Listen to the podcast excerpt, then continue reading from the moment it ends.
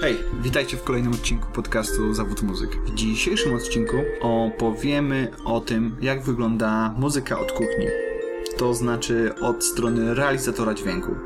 Dzisiejszy gość, Grzegorz Bieńko, jest przedstawicielem właśnie tego zawodu. I w dzisiejszym odcinku wyjaśni nam, kim właściwie jest realizator dźwięku, czym się zajmuje, czym się różni od reżysera dźwięku, w jaki sposób dobrać odpowiedni mikrofon do zadania, jak wygląda jego praca, powie nam, jakie są najciekawsze aspekty jego pracy i wyjaśni, co oznacza mądre słuchanie.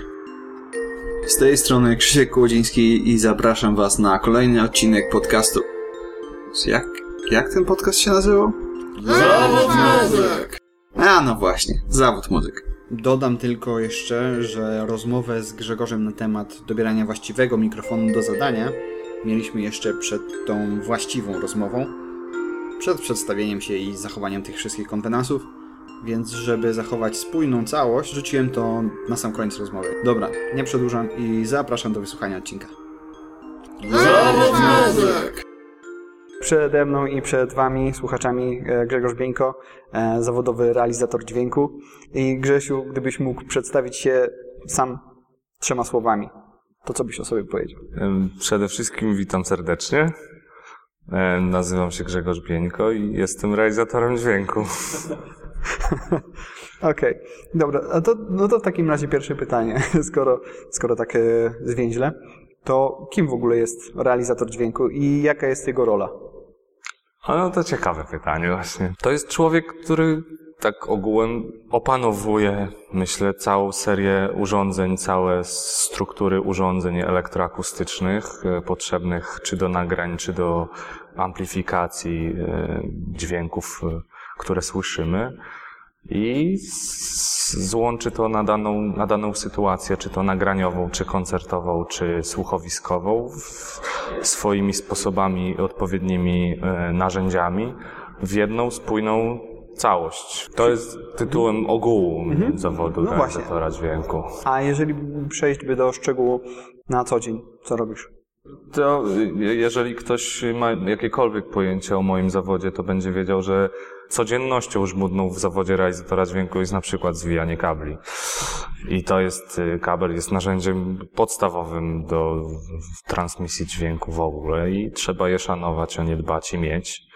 I jest to podstawowa, y, podstawowa działalność moja, no ale y, te ciekawsze, na przykład jak wcześniej rozmawialiśmy, dobieram mikrofon odpowiedni do, do źródła dźwięku, które mam dane. Na przykład. I czy w przypadku e, nagłośnień e, live, dogłośnień teatralnych, zastosowań teatralnych, czy też nagrań koncertów na żywo, spektakli na żywo, czy nagrań w studiu po prostu. Dobieram odpowiedni mikrofon do odpowiedniego źródła. I jaki jest sposób, jak, w jaki sposób dobierasz je? Na słuch czy z wykorzystaniem narzędzi? Na słuch y, i z wykorzystaniem narzędzia, jakim jest doświadczenie chyba. I jak to przebiega? Od początku nauki e, e, przebiega to tak, że dostajemy, y, powiedzmy, trafiamy do jakiegoś miejsca, w którym są mikrofony i możemy ich użyć. Możemy o nich przeczytać w internecie, e, ich e, specyfikacje, tryby pracy, możliwości, jakie mają. I wtedy trochę na chybił trafił. y, Dostawia się po prostu mikrofony do źródeł dźwięku i słucha się, czy to w, w, w przypadku studia w, w reżyserni, tak zwanej reżyserce, czyli w pomieszczeniu obok, które jest odi- odizolowane y, i możemy na głośnikach posłuchać, jak ten mikrofon pracuje z danym źródłem dźwięku. Y, No, czy też w, na, w koncertach live, powiedzmy, dostawiamy mikrofon do danego źródła dźwięku i, i słuchamy na systemie nagłośnieniowym, e, które stoi, wisi, jak ten dany mikrofon z tym źródłem sobie radzi. No i na początku może trochę jest w tym e, przypadku, ale po, po czasie, jeżeli użyjemy tego mikrofonu w, 10 różnych przypadkach, to zaczynamy po prostu wyczuwać jego pewne tendencje, e, pewne zachowania z danym źródłem dźwięku, czy zachowuje się lepiej, czy gorzej czy ma tendencję do sprzęgania, na przykład w przypadku y, koncertów live, czy w studiu, nie wiem, może zbyt sobie nie radzić z nieporządnymi dudnieniami. To jest po prostu przykład, jaki podaję, co może nas spotkać. Takich rzeczy może być wiele, wiele, ale, y, ale po prostu uczymy się narzędzi. I potem już y, jakby doświadczenie pokazuje i przez doświadczenie możemy wejść głębiej w sferę brzmieniową, już nieprzypadkową sferę brzmieniową dostosowania mikrofonu do źródła dźwięku. Jeszcze do doświadczenia wrócimy. Wspomniałeś na początku o kablach, o zwijaniu kabli. I to jest, myślę, interesujące e, dla zwykłego użytkownika, że kable można zwijać źle. Tak. To, tak, no a, a chyba wszyscy realizatorzy dźwięku na całym świecie mają z, z, po prostu takiego zajoba na tym punkcie, jak widzą, że ktoś zwija kabel źle. E, chyba to, to wynika z tego, że kabel jest najczęściej używanym narzędziem w naszym zawodzie i używa się ich dużo i często różnych i dobre zwijanie to jest szacunek dla narzędzia, które ma, które ma być niezawodne. Ja przez moje staranne zwijanie kabla chcę wiedzieć, że podczas 50 jego rozwijania on zadziała tak, jak powinien zadziałać.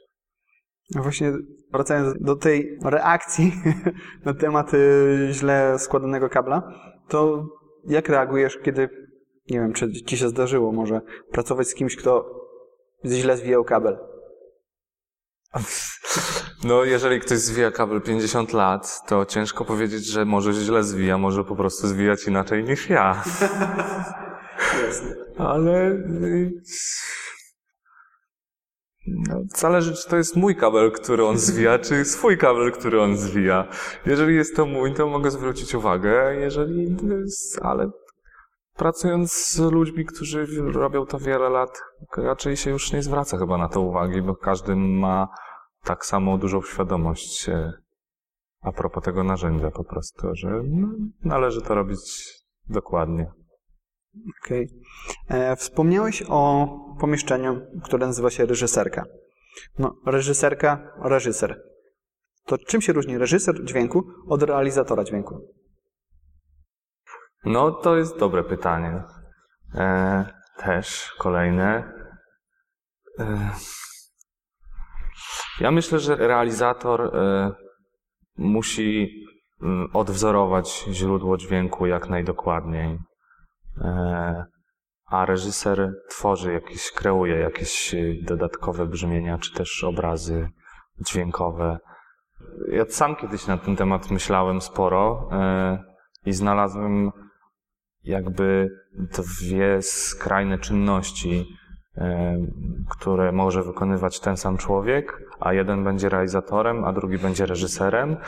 I takie reżyserowanie dźwięku moim zdaniem najlepiej odwzorowuje praca nad słuchowiskiem radiowym, gdzie nagrywa się w studiu, w kabinach lektorskich często aktorów, którzy odgrywają rolę głosem i mając nagranych ich grających, umieszcza ich się w obrazie dźwiękowym w różnych miejscach, dodając efekty dźwiękowe, e, różne e, sytuacje pogłosowe, symulacje pomieszczeń, e, nie wiem, dodanie śpiewu ptaków, żeby zobrazować dźwiękowo, że na przykład jesteśmy w parku i wiele, wiele innych, odgłosy miasta.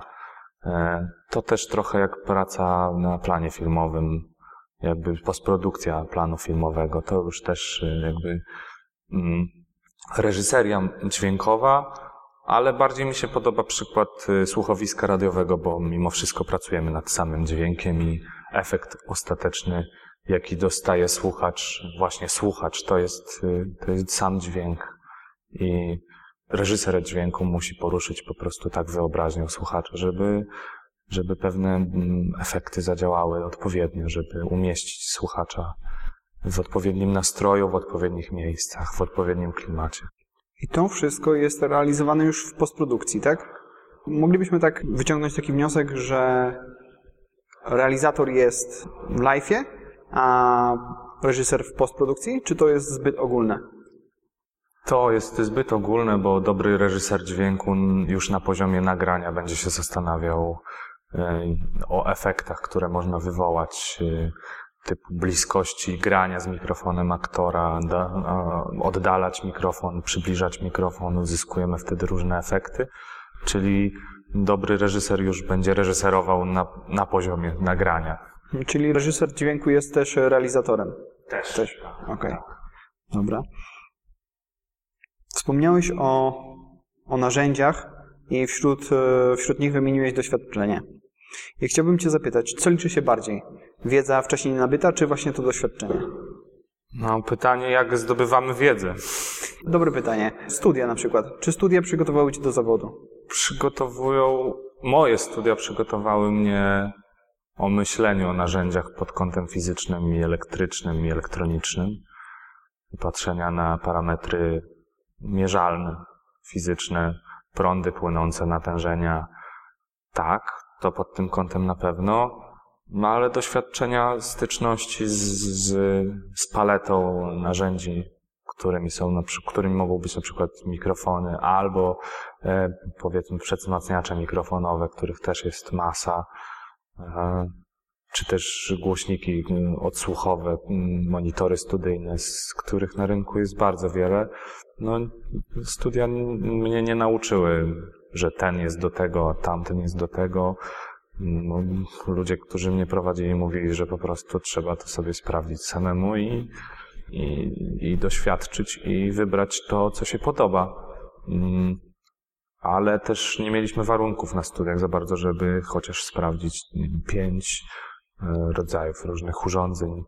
Z tych, których wymieniłem teraz, może tylko mikrofonów było mm, rzeczywiście ponad ponad pięć, może nawet więcej, ale, ale monitorów studyjnych na przykład już nie było za wiele. Mogliśmy się posługiwać jedną, jedną parą i, no i to jakby na, na, na początku wystarcza, ale, ale jak się wchodzi w, w głębiej w, w, w używanie urządzeń, używanie narzędzi do pracy, można znaleźć dla siebie dużo lepsze, dużo ciekawsze, dużo, dużo wygodniejsze narzędzia. Wspomniałeś wcześniej, że to jest też praca z ludźmi, z doświadczonymi ludźmi. I czego jest więcej? Pracy z ludźmi, czy pracy ze sprzętem? Ja myślę, że porówno. Porówno. Bo myślę, że sytuacji z ludźmi jest, jest sporo. E, sal koncertowych na świecie jest dużo, w Polsce też jest sporo muzyków, e, rodzajów muzyki, z którymi mam styczność, jest, jest naprawdę masa. No i znowu właśnie rodzajów muzyki jest tyle, ile, znaczy możemy sobie wyobrazić, że jest dużo muzyków w Polsce, dużo ludzi muzykujących, parającymi się różnymi rodzajami muzyki, od klasycznej po mocną elektronikę. No i właśnie sala koncertowa jest poniekąd też już naszym narzędziem, można to tak nazwać. Sal znowu jest dużo, a sprzętu w salach koncertowych jest jeszcze więcej. Dlatego chyba, chyba porówno po prostu należy nabierać. No, znaczy, jeżeli już się zacznie pracę w zawodzie, to porówno się nabiera doświadczenie pracy z, z, z muzykiem, z, z człowiekiem, który chce siebie nagrać, czyli ze źródłami dźwięku i to, co się chce z tych źródeł uzyskać, i, i sprzęt, który się do nich dostawia i, i wymaga się też od sprzętu i uczy się i doświadcza się sprzętu. Także porówno myślę. Okej, okay, a wcześniej już powiedziałeś, jak to jest e, pracować ze sprzętem. A na czym polega praca z ludźmi? Na, na koncertach mamy sytuację, no, może nie trywialną, ale ułatwioną, bo widzimy zespół, widzimy jakie, jakich instrumentów używa i widz, który stoi przed sceną, powinien usłyszeć w równych proporcjach, w ładnych brzmieniach, e, w charakterystycznych dla siebie pasmach instrumentów e, klarowność brzmienia każdego w proporcji odpowiedniej. Tak to najogólniej można, można ująć. Czyli e, realizator dźwięku nawet nie do końca musi e, rozmawiać z, z zespołem całym. Musi rozmawiać natomiast realizator monitorów na scenie, bo każdy z muzyków y, poziom instrumentu danego w swoim prywatnym monitorze mm, chce mieć inny, czyli taki monitorowiec robi ileś miksów naraz y, na scenie, a realizator frontowy robi tylko jeden miks y, całości dla widza. Monitorowiec natomiast robi miks dla, dla muzyka, dla konkretnej osoby, E, ale y, pracując w studiu, no to już sytuacja się zmienia diametralnie, bo, bo realizator musi rozmawiać z muzykiem o charakterze brzmienia, o charakterze brzmienia i pojedynczych instrumentów, jak i o charakterze brzmienia płyty, czyli efektu końcowego, który dostaje słuchacz. Także ta rozmowa musi być, ta interakcja musi być i współpraca jest bardzo ważna. Jakby muzyk z realizatorem w studiu nie mogą się kłócić, bo to nic z tego dobrego nie wyjdzie. Przez cały proces nagrywania płyty mm, zazwyczaj jest jeden realizator, tak? Tak, ale to często się dzieli, e, często się dzieli e, osoby, osoby, osobny realizator e, jest realizatorem samego nagrania, a osobny inny realizator jest, jest osobą, która popełnia mix czy mastering płyty. E, są osoby, które lepiej się czują w, w, w szukaniu e, brzmienia danego instrumentu w danym studiu nagraniowym, a są osoby, które lepiej się czują w tym, jak nie widzą, jak nagranie powstawało, tylko dostają konkretne ścieżki z konkretnych instrumentów, siadają przed komputer, przed monitory studyjne i, i zaczynają kleić to wszystko w całość może to nawet lepsze efekty przynosić y, niż y, jak realizator jest obecny podczas nagrania, bo ma świeższą wyobraźnię, jakby nie, nie wie, co, co się działo w studiu, dostaje już gotowe rzeczy zarejestrowane. Wtedy jakby jego horyzont jest y, jest szerszy, dalszy. Może świeżo na to spojrzeć. Inaczej, zupełnie inaczej. I to jest wtedy jego też praca twórcza. Ten też kreuje brzmienie zespołu, prawda? Tak, tak, tak. No i jeszcze musimy wspomnieć o w sytuacji rozrywkowej, no jeszcze są producenci muzyczni w to wszystko zamieszani, którzy też mogą mieć wpływ na kierunek e, końcowy wybrzmienia płyty. No ale często producentem jest też realizator na przykład właśnie, który nie tylko rejestruje ścieżki pod kątem najciekawszych wrażeń brzmieniowych danego instrumentu, ale i podpowiada kwestie muzyczne, że tutaj wokalista mógł zaintonować inaczej, a tutaj może jednak forte zaśpiewamy, a tutaj może jednak e, zaszepczemy coś do mikrofonu bardziej niż zaśpiewamy. Aktualnie pracujesz e, na etacie w operze. Tak. I jak w ogóle znalazłeś się tam? Tak, tak po Bożemu. Bo e, po prostu poszedłem e, do sekcji i zacząłem uprawiać wolontariat razem z nimi, dzięki nim w tej instytucji. Do sekcji jakiej? Do sekcji akustycznej opery. Co w e, Twojej pracy, w realizatorskiej pracy uważasz za najciekawsze? Były różne etapy.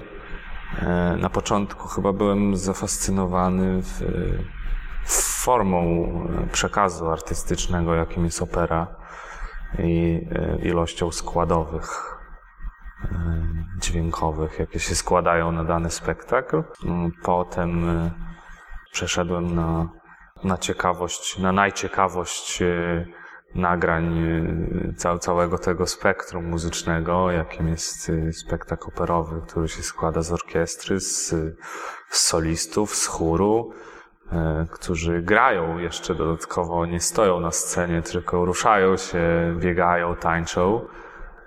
A teraz mam wrażenie, że jako doświadczenie, które sobie buduję, najciekawszym jest to, że mogę mieć że mam codzienną styczność z orkiestrą, z żywym instrumentem składającym się z ponad 50 osób, jakim jest orkiestra właśnie. I, I, mogę słuchać jej codziennie, właściwie na żywo. I to jest chyba najciekawsze. Codziennie przychodzę do pracy i, i codziennie słyszę orkiestrę. Nie każdy ma takie możliwości. A kształtuje to słuch mocno. To się przydaje w Twoim zawodzie. Przydaje się, przydaje się. A najciekawszy spośród przerobionych przez Ciebie projektów? Trudne. Znaczy było sporo takich rzeczy ciekawych, o których mógłbym teraz powiedzieć. Pierwsze styczności z, z, z montażem op operowych spektakli e, by były, były to dla mnie zderzenie z tą dużą materią. Było strasznie ciekawym doświadczeniem. E, jakby pierwsze e, tworzenia projektów w przypadku pięćdziesięciu paru śladów mikrofonów orkiestrowych, scenicznych, mikroportów dla solistów. Próba ugryzienia tego te, jako podejście do tego jako całości, to było ciekawe doświadczenie na pewno. Ale miałem też ciekawy projekt, na przykład taki, że, że trochę się pociłem za konsoletą po prostu, bo było tego dużo, na przykład projekt Dziwaczki, spektakl, który powstał na Nurt Off y, przeglądu piosenki aktorskiej. Spektakl, teatralny spektakl, jednak muzyczny, muzyczno-taneczny, plastyczny bardziej, y, który no, był, był trudną, y, trudną materią po prostu dźwiękową. Dziewięć dziewczyn na scenie, każda z mikroportem, która raz śpiewa, raz mówi, raz szepcze, raz krzyczy, podkłady muzyczne puszczane synchronicznie, niesynchronicznie, e, sytuacje czasami trochę wymykające się spod kontroli. To było takie ciekawe pod, pod kątem, był taki mm, dobry stres. Mówisz, że musiałeś się wtedy napocić za konsoletą i powiedziałeś, jak raz dziewczyna szepcze, raz krzyczy. To znaczy, że musiałeś pomiędzy tymi momentami przesuwać suwaki? Tak, też, y, ale usłyszeć która, y, bo jeżeli dziewięć na raz śpiewa, y, no to trzeba usłyszeć, której brakuje, a która jest za mocno i no, musiałem się tego uczyć, uczyć po prostu poza próbami z nimi. Musiałem je nagrać nauczyć się utworów, poznać jej, ich głosy i, i to robić. A piosenki nie były łatwe, to były utwory wielogłosowe e, z podkładami. To, to, takie, to takie ciekawe po prostu. I już na samym spektaklu też musiałeś to powtarzać? Czy... Tak. Śpiewające aktorki, no, to są jednak osoby, po prostu dziewczyny, które studiują, żyją normalnie. Każda ma lepszy, gorszy dzień, jak każdy człowiek, czy aktor tak samo. No i czasem sytuacja była taka, że jedna była w formie lepszej, a czasem, że inna i, i trzeba było dostosować materię do, do sytuacji. Tym bardziej jeszcze ciekawsze w tym wszystkim było to, że nie występowaliśmy na jednej sali, tylko na iluś salach w Polsce i za granicą. I e, do każdej sali trzeba było dostosować warunki, były różne. No. Czyli to nie jest zawód taki, że przychodzisz i odbębniasz pracę, tylko musisz cały czas myśleć o tym, co się dzieje. Tak, tak. Zdecydowanie tak. I mam wrażenie jeszcze, że na, mój zawód polega na, na wiecznym sprawdzaniu. Sprawdzaniu kogoś czy siebie? Sprawdzaniu e, niezawodności sprzętu na przykład, którego zaraz użyję. A czy, czyżby była z tym jakaś związana anegdota? Anegdot każdy realizator z tym związanych ma, pewnie tysiące, także... To sprzedaj jedną. Jed, jedną, konkretną. Nie ma w tym nic śmiesznego ani ciekawego. No raz, no chociażby głupi kabel raz może zadziałać, raz może nie zadziałać, no. I możemy myśleć, że rozwinięty kabel do mikrofonu, nic się z nim nie stanie, jeżeli leży przez, y, przez tydzień w tej samej konfiguracji y, i przez cztery dni działa, a piątego ktoś po do niego stanie i może już nie zadziałać, a jak zacznie się nagranie i, i nie wiem, chór będzie w świetnej formie, no to ciężko mu będzie przerwać w trakcie, żeby zamienić kabel, dlatego przed takim wejściem chóru trzeba sprawdzić. Czyli rozumiem, zdarzyło się nie sprawdzić? Zdarzyło się sprawdzać i przy sprawdzaniu okazuje się, że to, co wczoraj działało, dzisiaj nie działa. No, e, no dobra. A tak powoli zmierzając ku końcowi, to jakie są najbliższe plany na przyszłość Grzegorza Bieńki? Chyba robić swoje i robić jak najlepiej. E, poszerzając horyzonty brzmieniowo-dźwiękowe. Szukać e, swoich rozwiązań no i kształcić się słuchowo i muzycznie jednocześnie. Rozwijać, żeby móc robić to, co robię coraz lepiej, coraz dokładniej, coraz ciekawiej. No, nie nudząc się przy tym, chciałem powiedzieć, ale chyba ta materia mnie nie znudzi nigdy. A teraz takie pytanie, które zawsze zadaję podczas rozmowy. Gdybyś mógł wybrać jedną główną radę dla człowieka wchodzącego na rynek, chcącym zostać e, realizatorem, to co byś mu powiedział? Jedną radę. Taką jedną mięso. Mięso radę. Słuchać mądrze. Cały czas. Jakbyś mógł elaborować. Dobrze, no to słuchać przede wszystkim i słuchać mądrze, w sensie unikać przypadków słuchowych. Czyli jeżeli pracujemy nad, nad dźwiękiem, to tak naprawdę mo- można powiedzieć, że często stawiając mikrofon, przystawiając go pół centymetra, dopieszczam dźwięk, który wchodzi do mikrofonu.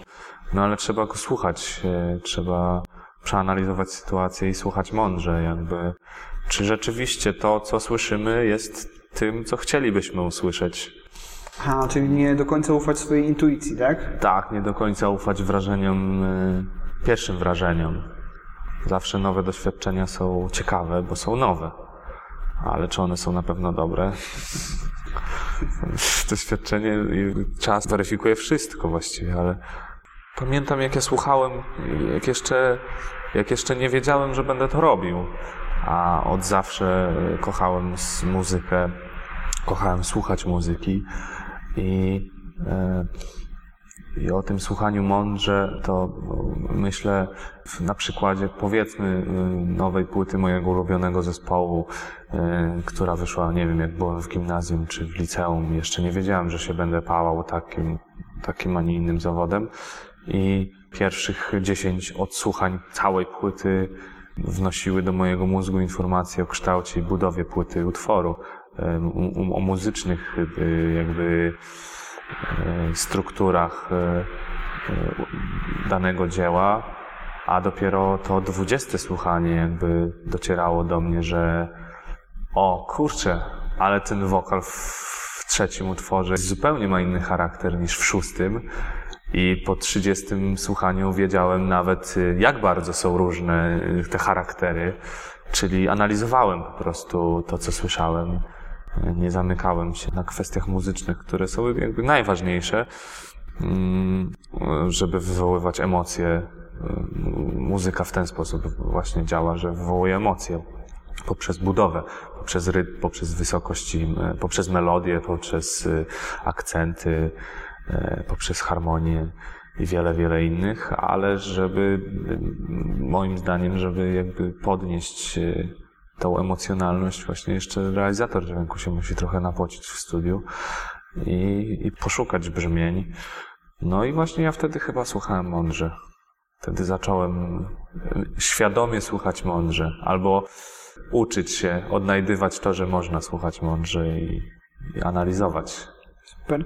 A to teraz e, zajmuje ci to krócej? W- Tak, tak? tak. Już nie musisz 30 raz słuchać? Tak, teraz nie, nie muszę 30 raz słuchać, ale muszę parę razy przesłuchać. No to właśnie tam wchodzi zboczenie zawodowe też. Czę- często łapię się na tym, że pierwsze odsłuchiwania yy, nowej płyty są pod kątem technicznym, a nie pod kątem muzycznym. Jasne. A tutaj stopa e, nie do końca Nie, nie, nie, nie krytykuję ko- kolegów czy, czy ludzi, którzy się tym zajmują. Po prostu często zastanawiam się, jak oni to zrobili bardziej niż, że coś źle zrobili. O tak. Ale no jest to zboczenie zawodowe. Jasne. No, a teraz takie już ostatnie wieńczące pytanie. Jeżeli ktoś chciałby Ci zadać może dodatkowe pytanie albo chciał skorzystać z Twoich usług, usłyszeć Twoją pracę, to gdzie może Cię znaleźć? Na YouTubie można. Na YouTubie, co musi wpisać Chyba wtedy? hasło Grzegorz Bieńko i powinno coś wyskoczyć. E, powinno. E, wszystkie nagrania związane z, z operą przechodzą przeze mnie też. Część nagrań związanych z chórem, w którym śpiewam, e, ponieważ lubię śpiewać w chórze, to po pierwsze sprawia mi to ogromną radość, ale też e, uważam, że jest to dla mojego zawodu i dla mojego słuchu rzecz ważna. No, czyli można Cię znaleźć na YouTubie, ale też na koncertach Na koncertach też można mnie znaleźć. zespołu Chóru Akademickiego e, Uniwersytetu Ekonomicznego we Wrocławiu, we Wrocławiu, tak. Ars Cantandi. Zapraszamy na koncerty serdecznie. Tak. Jakieś tam nagrania chóru też też robiłem, też miałem, e, też można to znaleźć e, na YouTubie.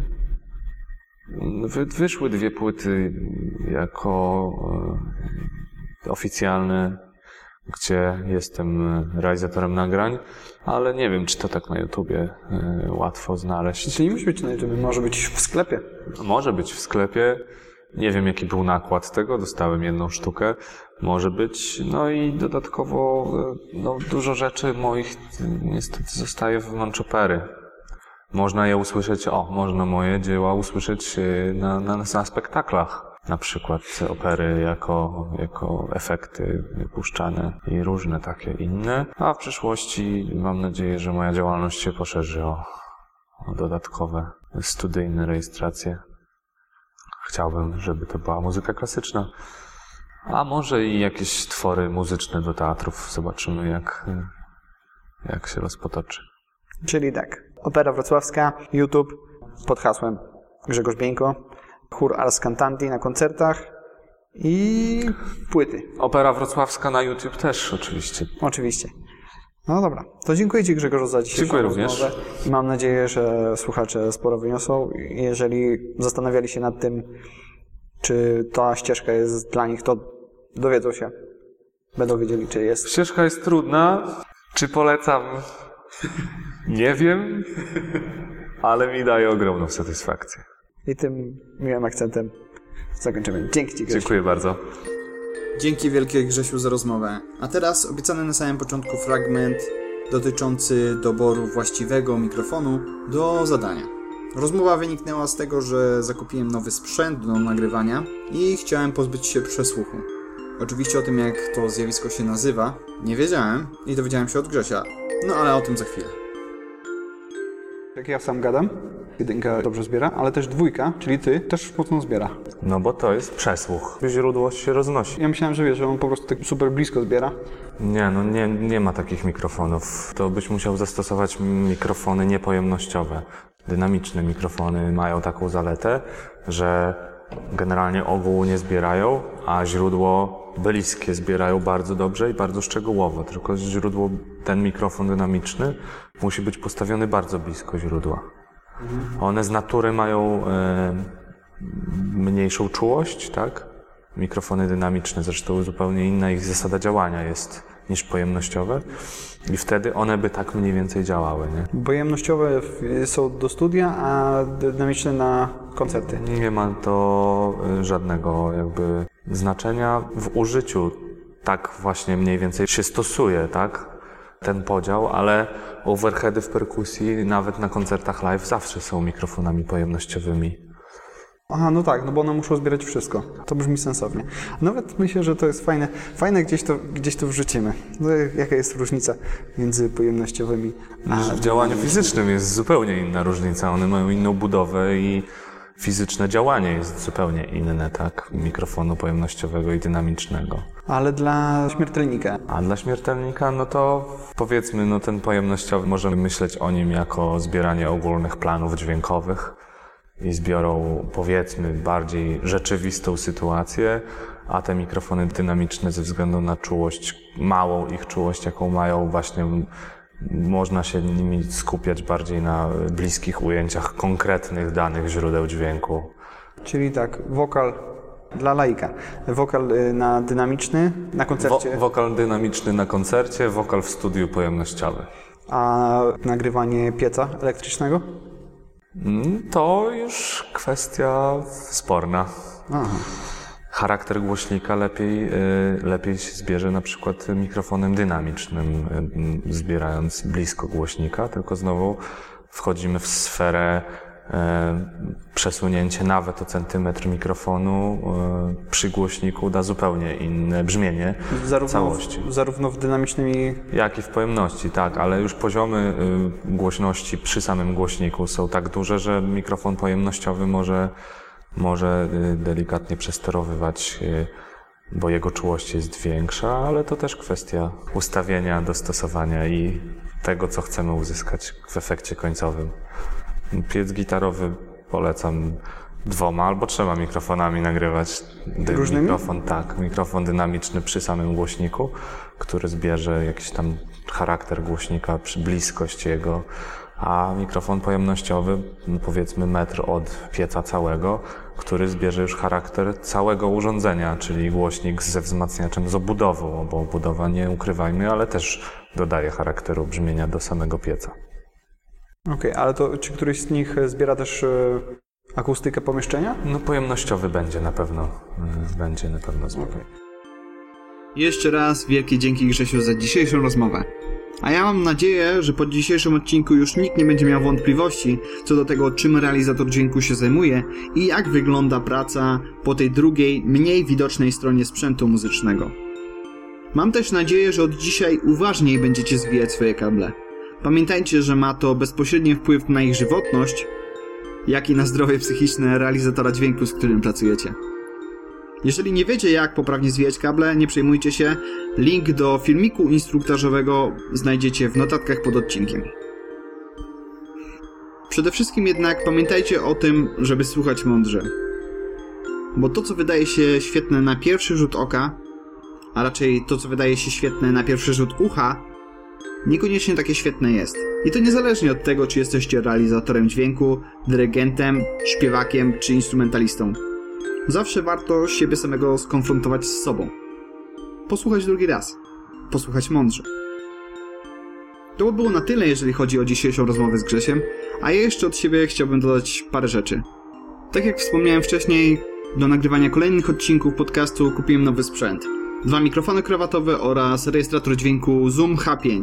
I z tym ostatnim w gratisie dostałem oprogramowanie Cubase Lite Edition, z którym postanowiłem się pobawić i rezultaty tej zabawy słyszycie w tle. Dla zainteresowanych linki do sprzętu też znajdziecie w notatkach pod odcinkiem.